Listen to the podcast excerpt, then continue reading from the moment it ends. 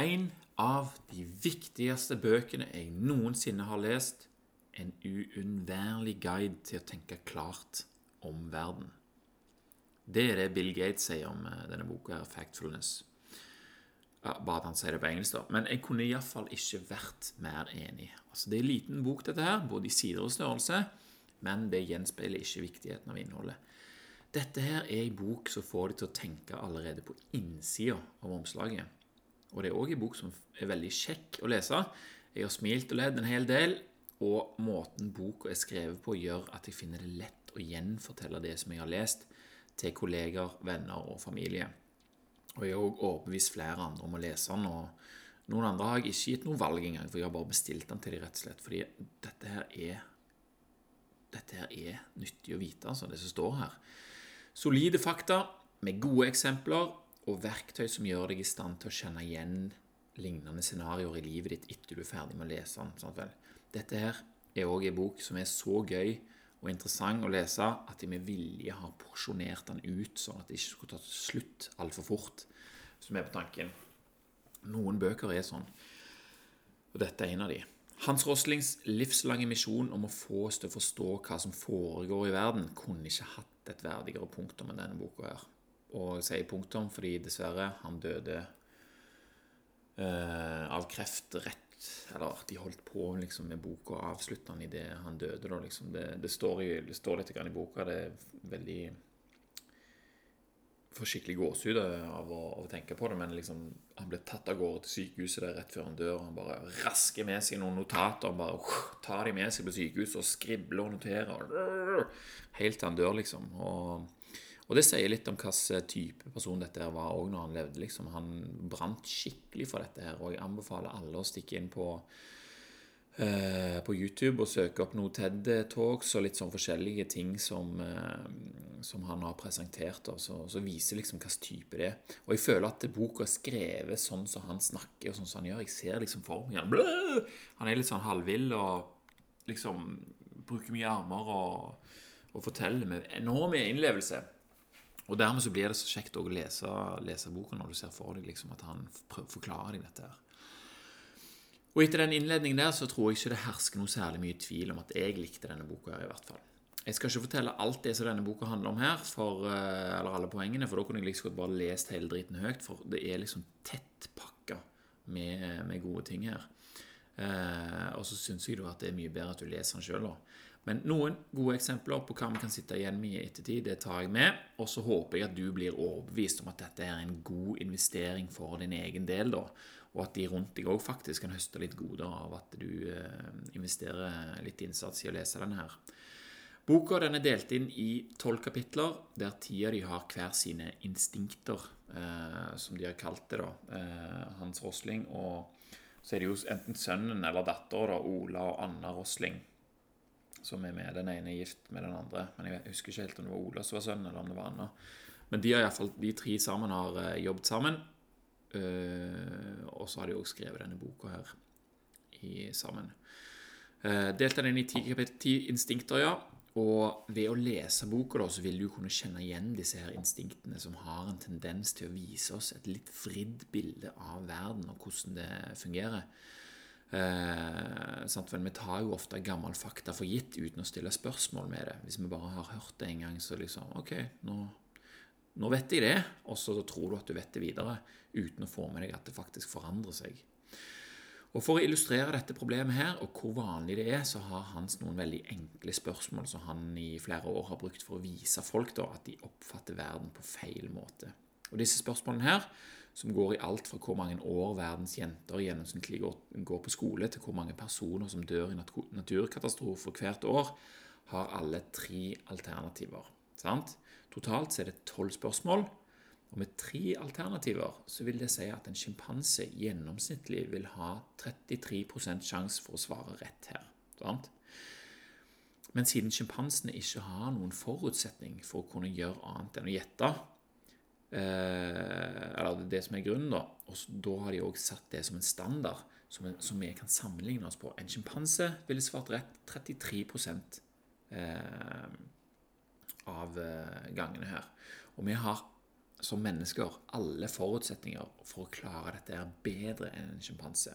Siden vi har den hjernen vi har, og i tillegg uendelig tilgang på informasjon. Så å si uendelig, iallfall. Det interessante er at vi allikevel kommer dårligere ut enn sjimpansene på nesten absolutt alle spørsmålene. Nesten absolutt. Jeg mener nesten alle spørsmålene. Vi har større sjanse for å avgi rett svar om vi verken ser spørsmålene eller svaralternativene. Å bare gjette A, B eller C vil gi oss en høyere score enn hva vi faktisk fikk på disse her spørsmålene. Vi svarer basert på det vi tror vi vet, og når svarene våre da viser seg å være feil, så betyr det bare én ting. Vi har feil oppfatning av verden. Og det er det denne boka her skal hjelpe oss å ordne litt på, da. Så la oss bare ta et par eksempler for å beskrive dette. her. Spørsmål nummer tre. I løpet av de siste 20 årene har andelen av verdens befolkning som lever i ekstrem fattigdom, A. nesten dobla seg. B. mer eller mindre forholdt seg eh, likt eller C nesten halvert seg? Svaret her er C. I løpet av de siste 20 årene har andelen av verdens befolkning som lever i ekstrem fattigdom, nesten halvert seg. Og det er jo sinnssykt bra. Det er jo bare på 20 år. Men vet du hvor mange som klarte dette svaret i USA? 5% svarte rett. Det vil si at 95% av USAs befolkning har feil oppfatning av dette. De tror at det enten har blitt dobbelt så gale, eller at det har holdt seg det samme liksom imellom der. Og da er det jo lett å si sånn Oi, i USA, altså, der er de så uvitende. Sant? Og ja, men er de det òg i Japan, i Canada, i Spania, Frankrike, Storbritannia, Tyskland og Australia òg? Alle de landene der klarte mindre enn 10% å svare rett på dette spørsmålet her. I Frankrike og Spania var det 3 og 4% som klarte rett.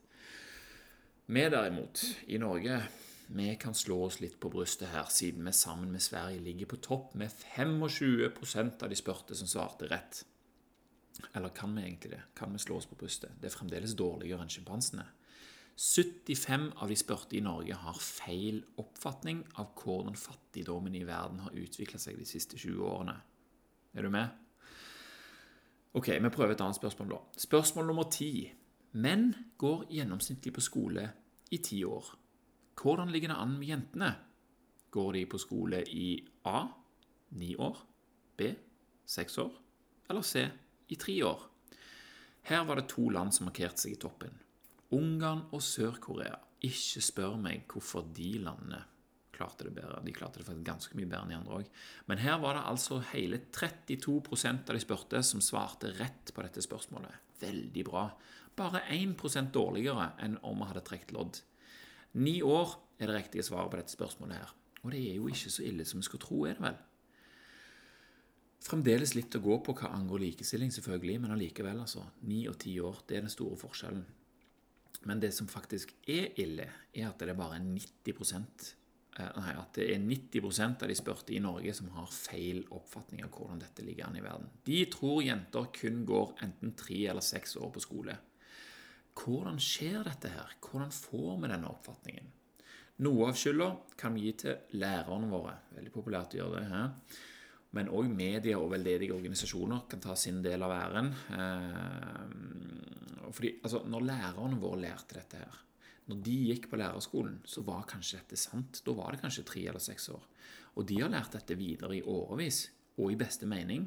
Så nå går alle oss andre òg som har gått på skole og hørt på lærerne våre. Vi går òg rundt og tror dette her. Men både eh, lærernes og elevenes oppfatning blir jo bekrefta i media hele tida.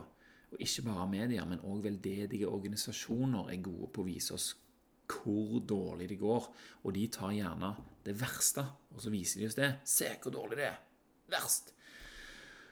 Både media og veldedige organisasjoner er avhengig av at vi ikke glemmer at det fremdeles skjer dårlige ting i verden. Sant? Det er kjekt for media å si det. Se hvor dårlig det går. Det, det, gir oss inntrykk. Sant? Og veldedige organisasjoner de også sier det. Se hvor dårlig det går.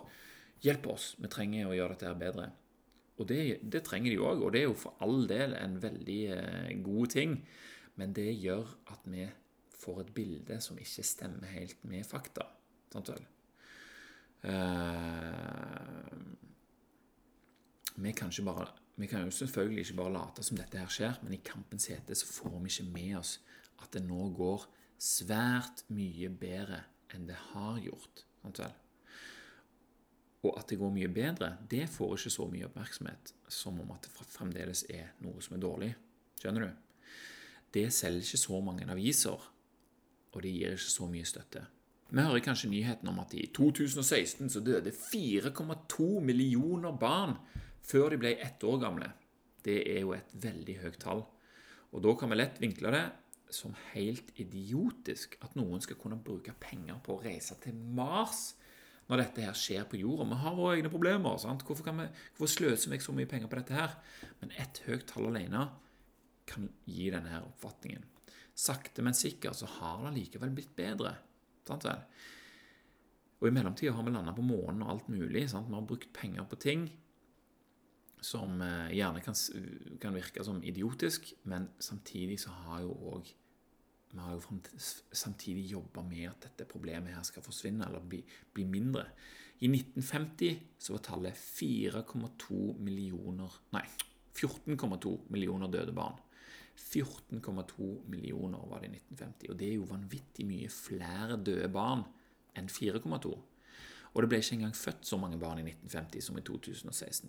97 millioner ble født, og 14,2 millioner døde. Og Det blir omtrent 15 det. Bare 3% av alle de 142 millionene barn som ble født i 2016, døde før de var ett år gamle.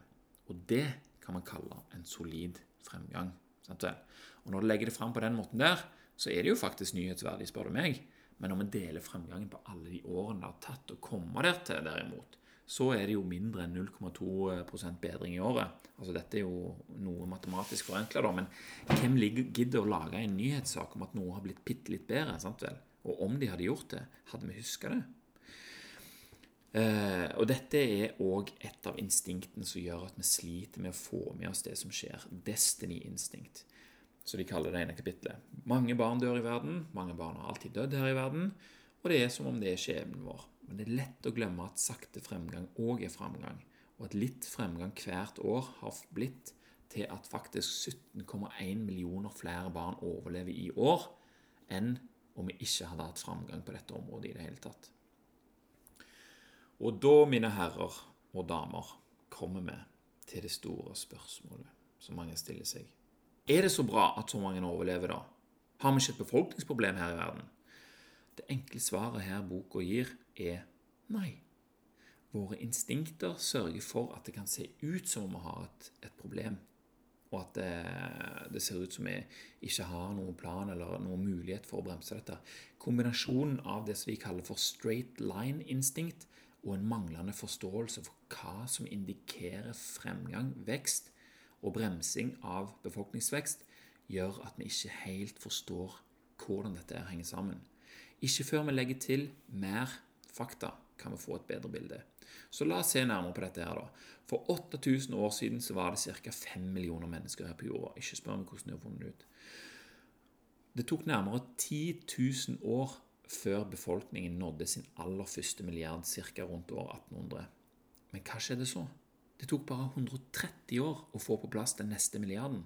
Og før det hadde gått 100 år fra den andre milliarden kom, så har det blitt fem milliarder til. Det er jo ikke rart at vi tenker oss at dette her går over stokk og stein.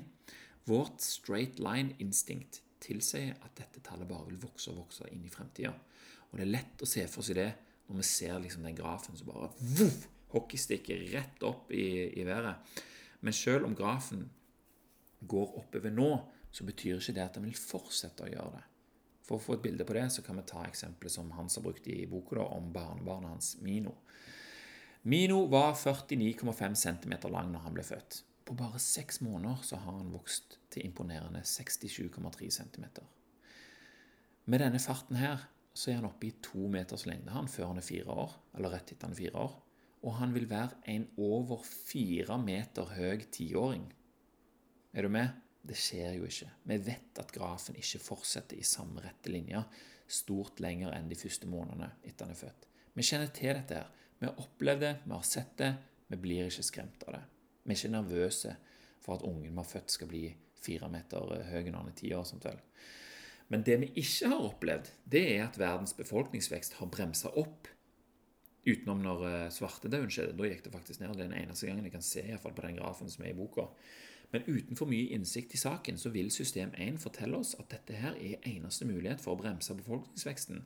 Noen må regulere det, eller det kommer til å skje noe à la svartedauden som gjør det for oss. Heldigvis er det folk på saken som har god innsikt i dette. her. FN heter de. Og de kan forklare oss at dette ikke er noe å stresse med. Ta det rolig. Det vil regulere seg sjøl. Kondomer og mindre barnedødelighet vil fikse den biffen. Hm? Mindre barnedødelighet? Ja, det stemmer. Det høres kanskje i første omgang litt feil ut, men Hans stiller oss et spørsmål som kan lede oss nærmere en forklaring på dette. her. Spørsmål nummer seks. FN ser for seg at det i år 2100, eller 2100, eller hva du vil kalle det, vil være 4 milliarder flere mennesker på jorda enn hva det er i dag. Og hva er den største grunnen til det? Er det at A. Det vil være flere barn under 15 år? Eller er det at B. Det vil være flere voksne mellom 15 og 74? Eller er det C. At det vil være flere veldig gamle?